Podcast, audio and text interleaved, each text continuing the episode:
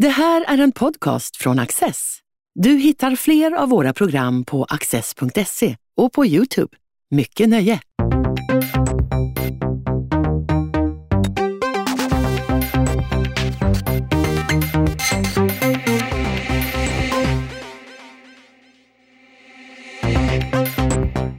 Magnus Westerbro är författare och har skrivit flera verk om tunga perioder i svensk historia. I sitt nya arbete, Tyrannens tid, skildrar han livet i Sverige under det stora nordiska kriget 1700-1721. Det är Karl XIIs tid. Men det är inte kungen utan svenska folket som står i centrum.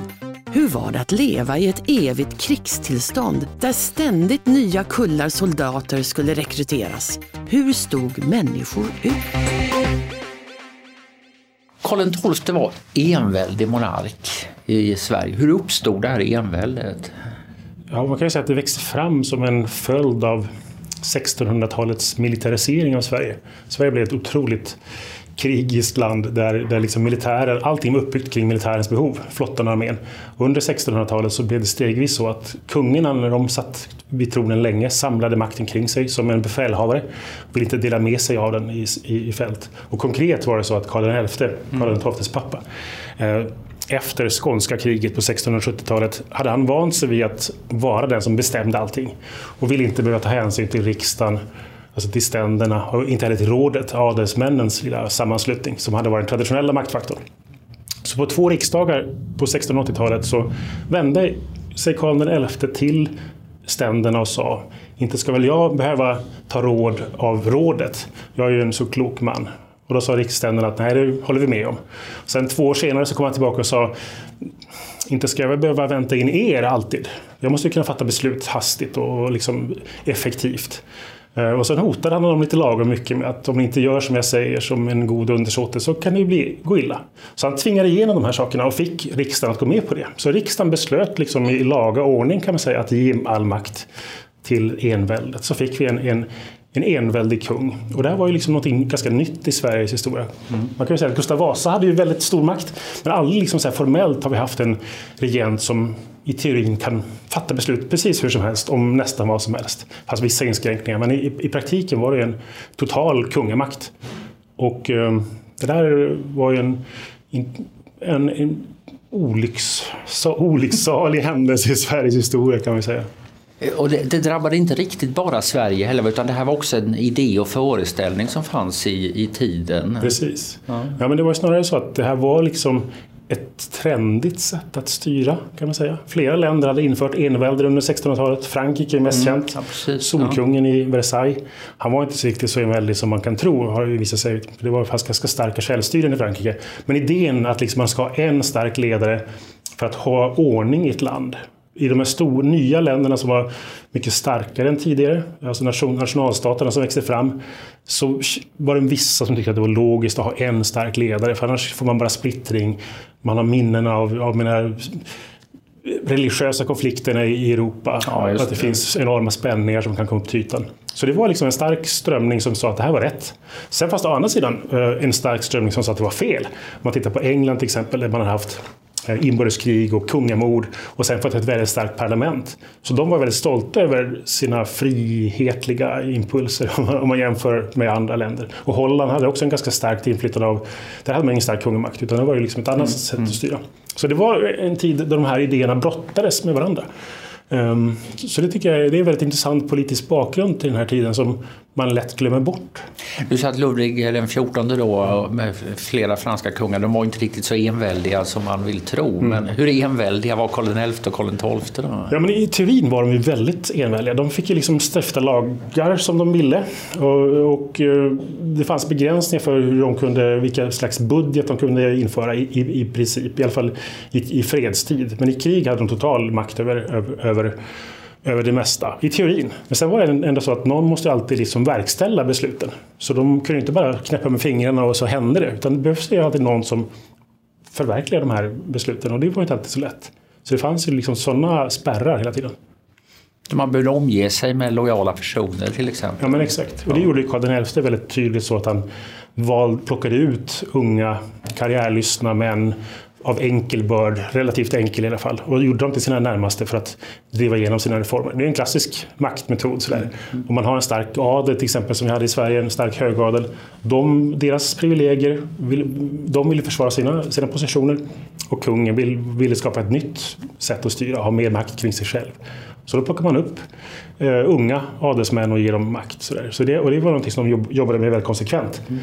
Att få en ny grupp människor lojala som fick starka positioner i byråkratin till exempel. Mm. Och även Karl XII hittade så att säga nya män som han eh, eh, gav makt och inflytande. Ja men exakt, så han förde vidare den här politiken som Karl XI förde och var väldigt orolig eller liksom misstänksam mot alla försök att inskränka hans makt.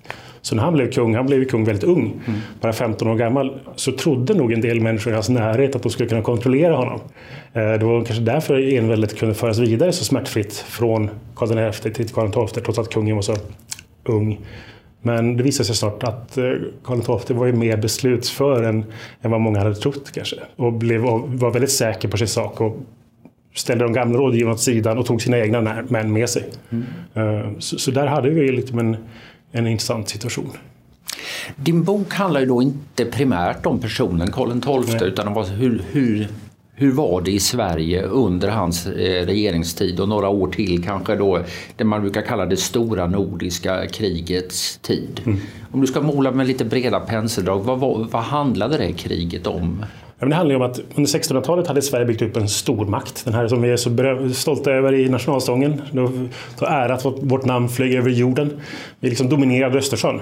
Men under 1600-talet så hade det också skapats fiender som ville ta tillbaka de här territorierna. Danmark, Polen, Ryssland. Alla hade liksom besegrats av Sverige men låg och väntade på rätt tillfälle att, att äh, återta det man hade blivit av med.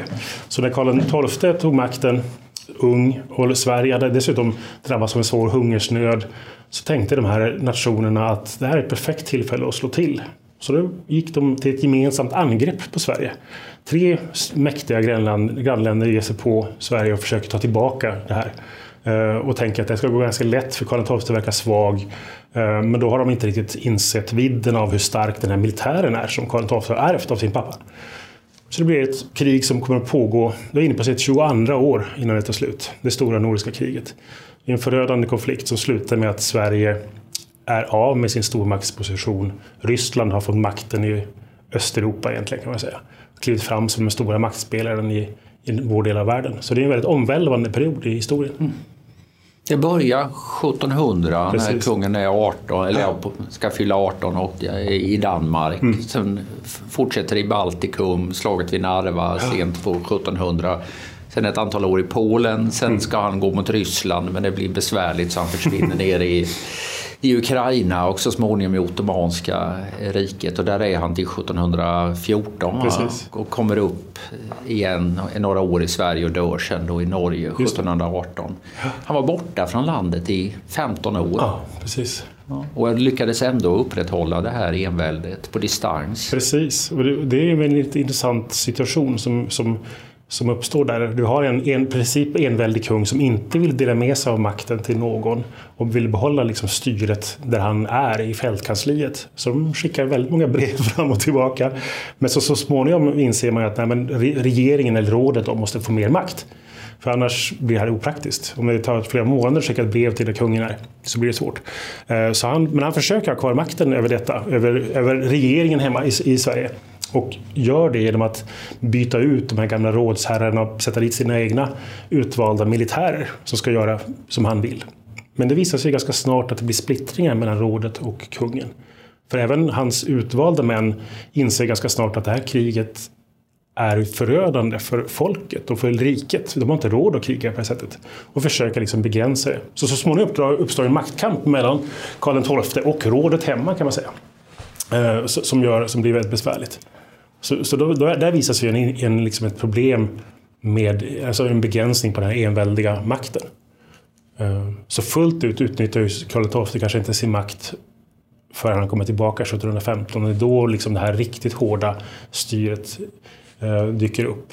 Och det är då som det fullt ut blir ett tyranni som jag kallar det. Det får en tyranniska drag i, i en, enväldet ända sedan Karl XIs tid. Men en fullt utpräglad liksom, diktatur och tyranni blir det först under de sista åren.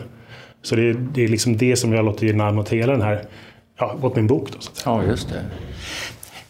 Jag menar 20 års krig eh, ungefär och eh, eh med en förfärlig manspillan. Så en av de stora frågorna det är ju liksom hur bemannar man denna armé? Hur lyckades de med det? Ja, Nej, men det, det är ju också en av de stora utmaningarna och det insåg de väldigt snart. Att de hade, man hade en väldigt stark armé i Sverige när kriget började eh, som var uppbyggt på ett väldigt effektivt sätt. Men soldaterna dör ju snabbt undan. De dör som flugor säger man ganska snart. Och det blir ett problem att hitta de här ersätta soldaterna. Och den, liksom propagandan på den tiden sa ju att alla skulle frivilligt gå ut och slåss för kung och fosterland och för Gud.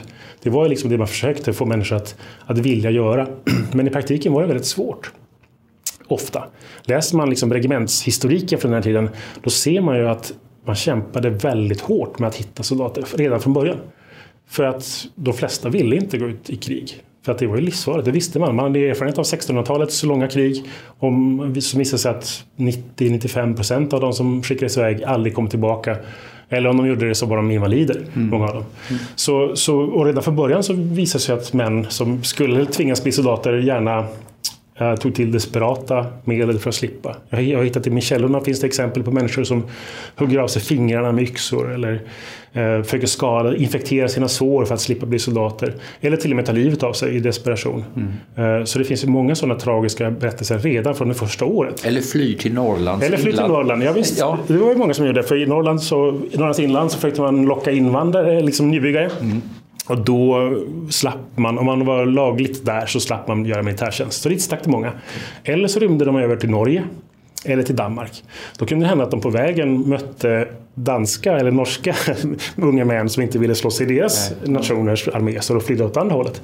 Så, så därför, det fanns ju där.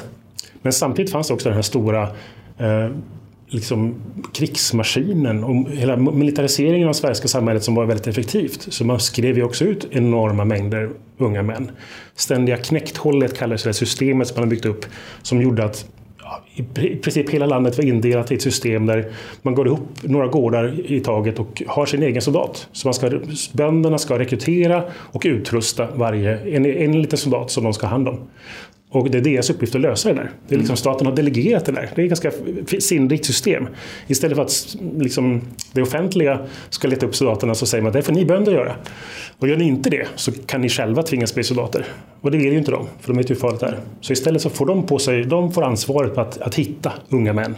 För det där är då ett sätt kan man säga som enväldet ändå tvingas anpassa sig till att det finns ett mottryck i, i ja. samhället. Där, Eh, och, och, det här som man kallar utskrivningar, att man verkligen bokstavligen någon från statsmakten pekar ut eh, individer. Det ville man undvika. Precis.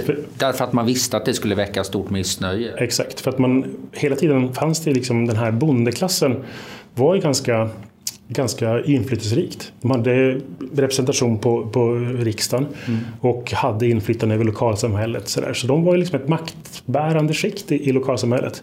Och de ville inte behöva göra de här jobbiga sakerna. Så de fick betala för det, de fick rekrytera soldater. Men på det sättet så hoppades man få en acceptans för systemet som gjorde att man kunde få ut fler soldater ur folkmassan än man kunde göra om man hade bara behövt liksom tvinga, tvinga ut, ut det hela. Och det funkade nog ganska bra. För de här bönderna hade ett egenintresse av att övertala unga unga tjänste, tjänstefolks barn till exempel. Mm. Eller backstugekärringars söner som det kunde heta i källorna. Mm. Alltså de här, den riktigt utsatta nedersta skiktet i samhället som inte hade någon inflytande, ingen, in, ingen säker väg till någon fast tjänst på en bondgård till exempel. De låg ju väldigt illa till. Och de pressade man hårt till att ta de här tjänsterna. Eh, så, så det var ett, ett... Men så småningom skruvar man åt trycket Precis. så att även mer etablerade personer eller, eller söner till mer ja. etablerade personer eh, tvingas in i systemet ja. också. När går det, går det någonsin över till rena utskrivningar och tvångsmobilisering? Under de allra sista två åren, så när Karl XII är tillbaka och han fortfarande inte vill acceptera att, att, att kriget är förlorat, så att säga. han försöker mobilisera ytterligare armé. Då blir det åtgärderna ännu hårdare. Och då blir det också så att motståndet blir större. Ännu fler människor rymmer undan eh, för att inte behöva delta i detta. Eh, men då blir det också nästan en allmän utskrivning av, av, av unga av män i lämplig ålder, mellan 18 och 40 ungefär. Så, så granskas i alla fall alla, alla liksom män i den åldern och görs redo för, för strid. Och då har man kommit till en situation där i princip vem som helst oavsett status i samhället hotas av militärtjänst. Och det, då är man i en väldigt eh, explosiv situation. Finns det så mycket män kvar då? Nej, men det gör inte det. Alltså, det, det fascinerande är att det här sista fälttåget mot Norge 1718, då, då Karl XII till sist dör, lyckas man ändå få ihop en nästan, nästan helt fulltalig ny armé med hyfsat unga män dessutom på, i alla poster. Helt fulltaliga är inte, för många rymt visar sig om man tittar närmare på rullorna. Men ganska många. Men då finns det verkligen inte många kvar. På många ställen är det liksom tomt på unga män. Eh, och det framgår ju liksom när kriget är över så finns det en, en holländare som heter Justus van Effen som rider, reser genom Sverige. En skriftställare från Holland.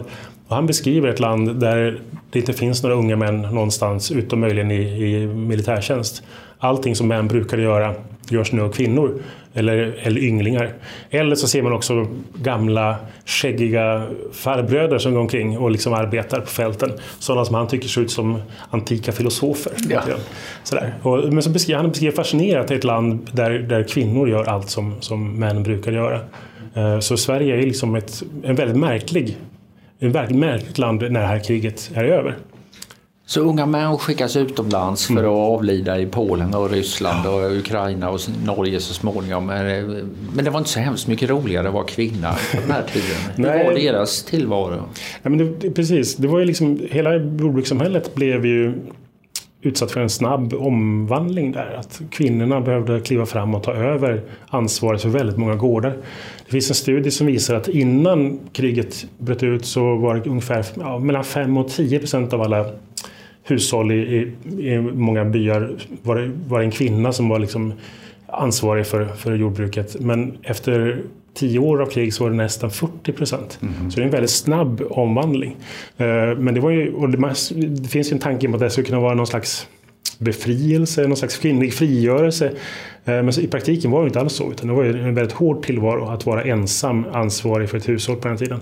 Man skulle ju det förutsattes ju vara minst två, en man och en kvinna som hjälps åt sida vid sida. Så de här soldatfruarna fick ju, fick ju en väldigt hård tillvaro. Eh, dels bara för att överleva rent fysiskt och klara av arbetet. Men sen finns det, finns det också väldigt många berättelser om kvinnor som drabbades hårt. Liksom. De var utan, utan en make så kunde de utsättas för alla möjliga slags eh, övergrepp. Sexuella övergrepp till exempel. Ehm, så, så det, var, det var en väldigt besvärlig situation. Vad hände med födelsetal och sådana saker? Det, det, det, skulle väl möjligen varit en lättnad att man slapp de eviga barnslängarna ja, som precis. kvinna? Jo men visst, de som vars män var ute i krig, de fick ju inte få barn. För hade, fick de barn när mannen inte var där så betyder det att de hade legat med någon de inte fick ligga med. För det, var det gjorde man inte ostraffat? Det gjorde man inte ostraffat. Då kunde man råka väldigt illa ut. Det kallas ju hor om man var gift och var i princip belagt med dödsstraff.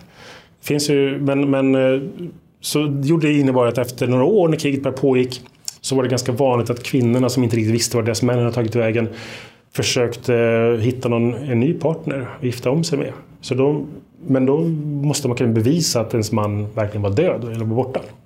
Så det var en svår situation. Räckte det med ett antal år då eller måste man ha ett dokument som visade att... Ja, men fick man ett, hade man ett dokument som visade att man vet att din, din man dog ja. där, i Narva till exempel, då kunde man gifta om sig direkt. Men hade man inte fått något besked så behövde det gå ett visst, en viss tid, sex eller sju år.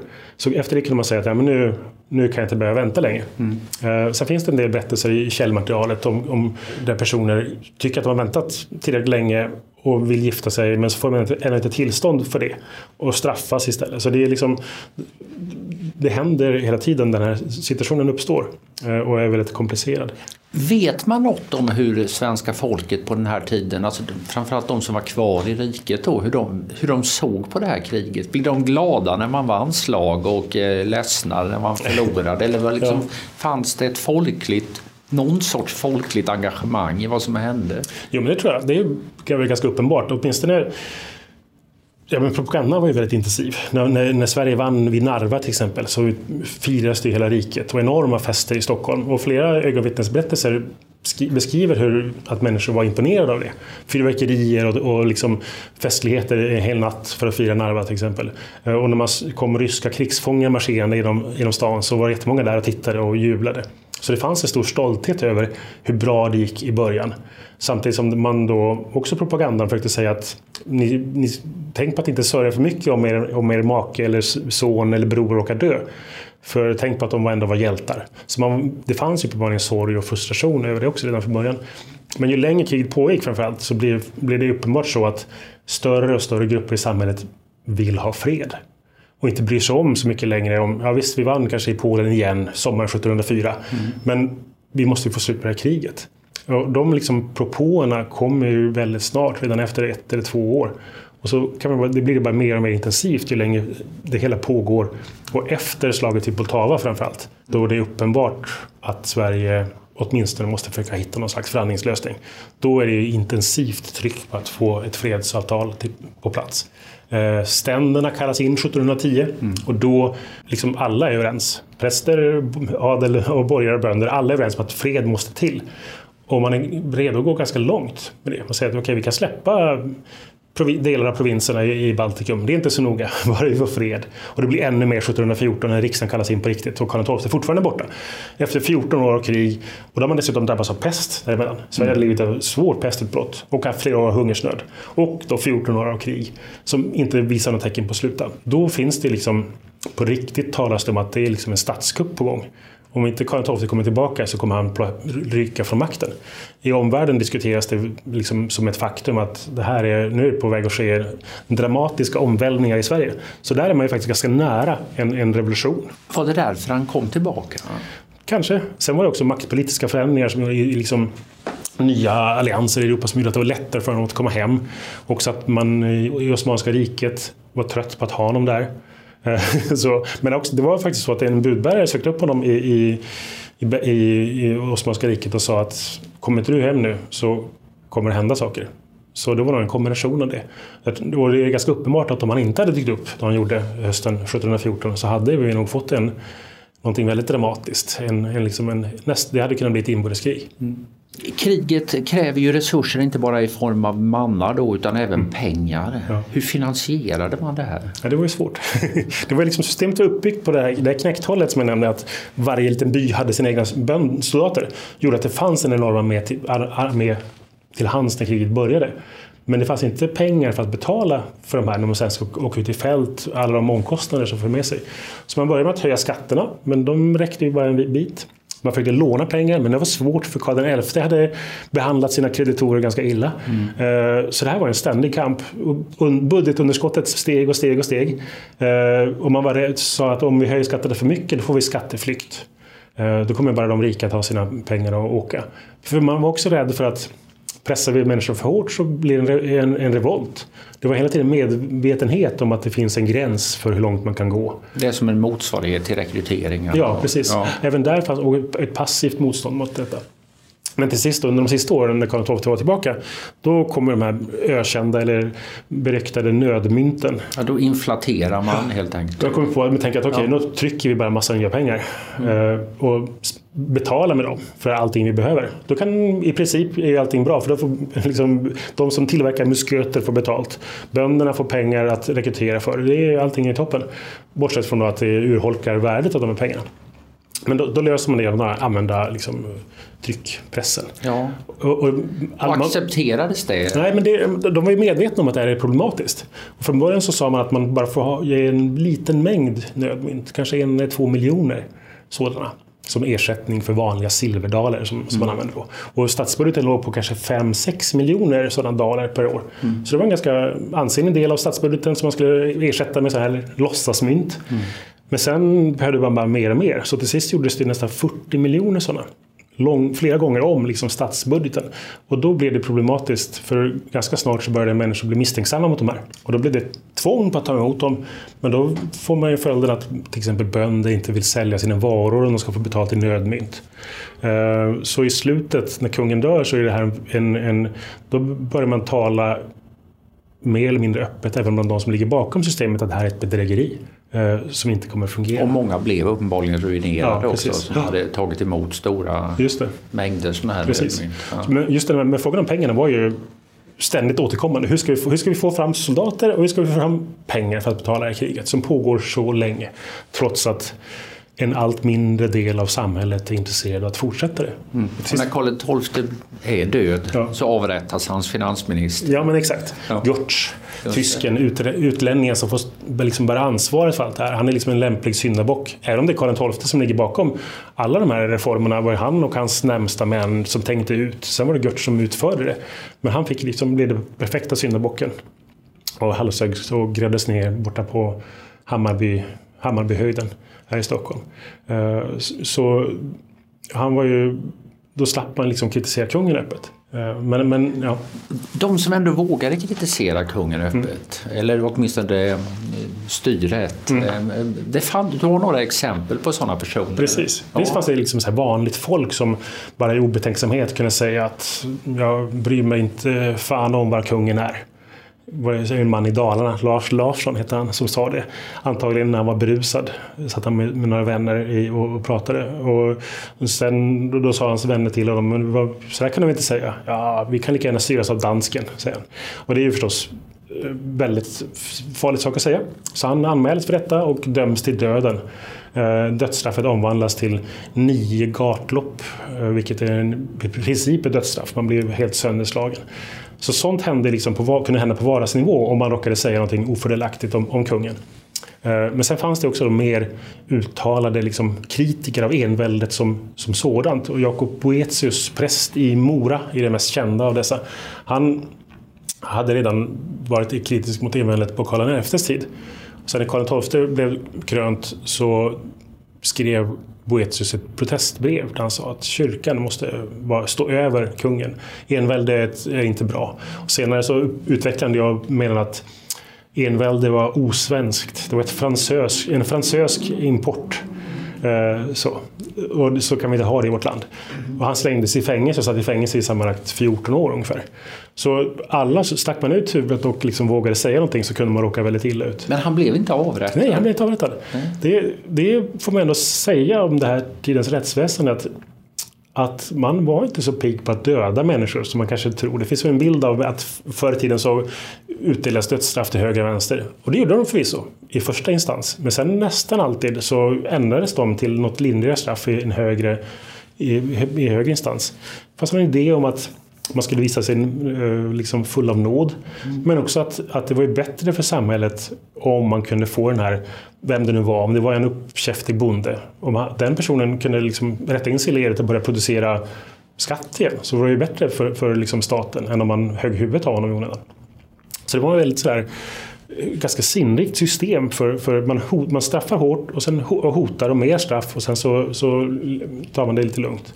Sen fanns det förstås vissa som och gick man för långt så gick det inte att hindra. Det finns ju ett eh, väldigt berömd episod eh, 1711 utanför eh, ja, i Östergötland där bönderna blir rasande på en fogde.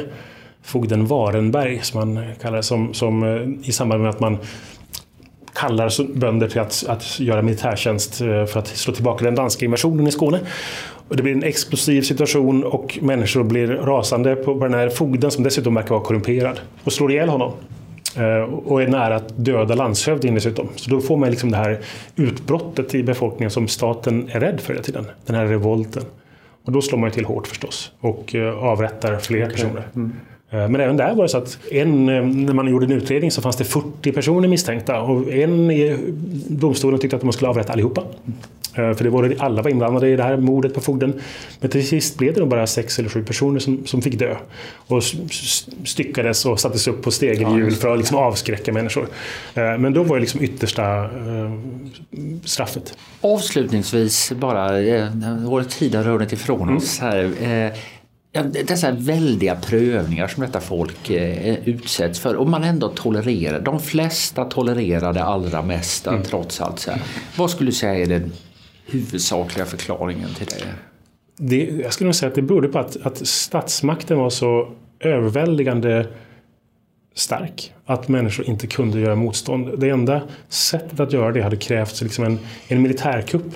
Mm. Och det gjordes ju till sist. När kungen dog så slog militären till och de ledande politikerna och avskaffade enväldet för att göra slut på det en gång för alla. Så det fanns ett så starkt missnöje. Men man vågade inte förrän Förrän liksom, man, man var för rädd för vad som skulle hända om man gjorde uppror mot Karl XII. All right. Magnus Westerbro, tack så hemskt mycket. Tack.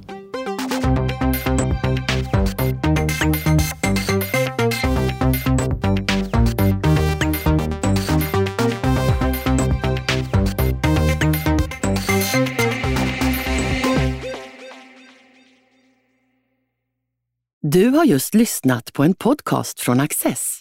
Du vet väl att vi också är en tv-kanal och tidning? Teckna en prenumeration idag på access.se.